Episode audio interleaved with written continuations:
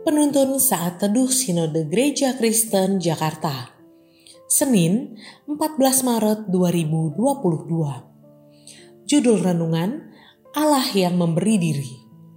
Diambil dari Nats Roma 5 ayat 8 Akan tetapi Allah menunjukkan kasihnya kepada kita. Oleh karena Kristus telah mati untuk kita ketika kita masih berdosa seorang anak berusia 11 tahun bernama Rafif terpaksa memiliki kenangan yang buruk di waktu Natal. Ayahnya tewas saat hendak menghentikan aksi pengeboman oleh sebuah kelompok garis keras. Ia mengorbankan nyawanya untuk menyelamatkan sebuah bus yang ditumpangi oleh murid-murid Kristen.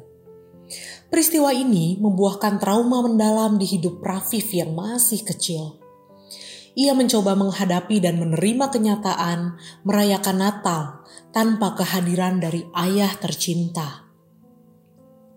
Mengorbankan diri sendiri untuk orang lain adalah sebuah tindakan yang sulit untuk dilakukan. Tidak semua orang bersedia melakukan aksi heroik seperti ini. Bagi sebagian orang, kalau bisa mengorbankan orang lain, mengapa harus sampai mengorbankan diri sendiri? Kepada dunia yang egois dan hanya memikirkan kepentingan diri sendiri, Alkitab memperlihatkan sebuah tindakan agung dan mulia yang pernah terjadi dan dicatat dalam sejarah manusia. Yesus Kristus, Anak Allah, rela turun dari surga yang mulia untuk memberi dirinya menjadi korban yang sempurna bagi penebusan dosa manusia yang hina Paulus menerangkan di dalam surat Roma 5 ayat 8, di mana Kristus menunjukkan cinta kasih dan pengorbanannya bagi kita justru di saat kita masih berdosa. Di saat kita sangat tidak layak untuk menerima kasih Allah. Sedangkan kita sebagai manusia, kita sangat sulit mengorbankan dirinya bagi orang lain yang dianggap tidak layak untuk menerima pengorbanannya. Umumnya kita bersedia berkorban karena melihat kriteria orang yang akan menerima pengorbanan kita. Apakah dia sesuai dan layak menurut pandangan kita?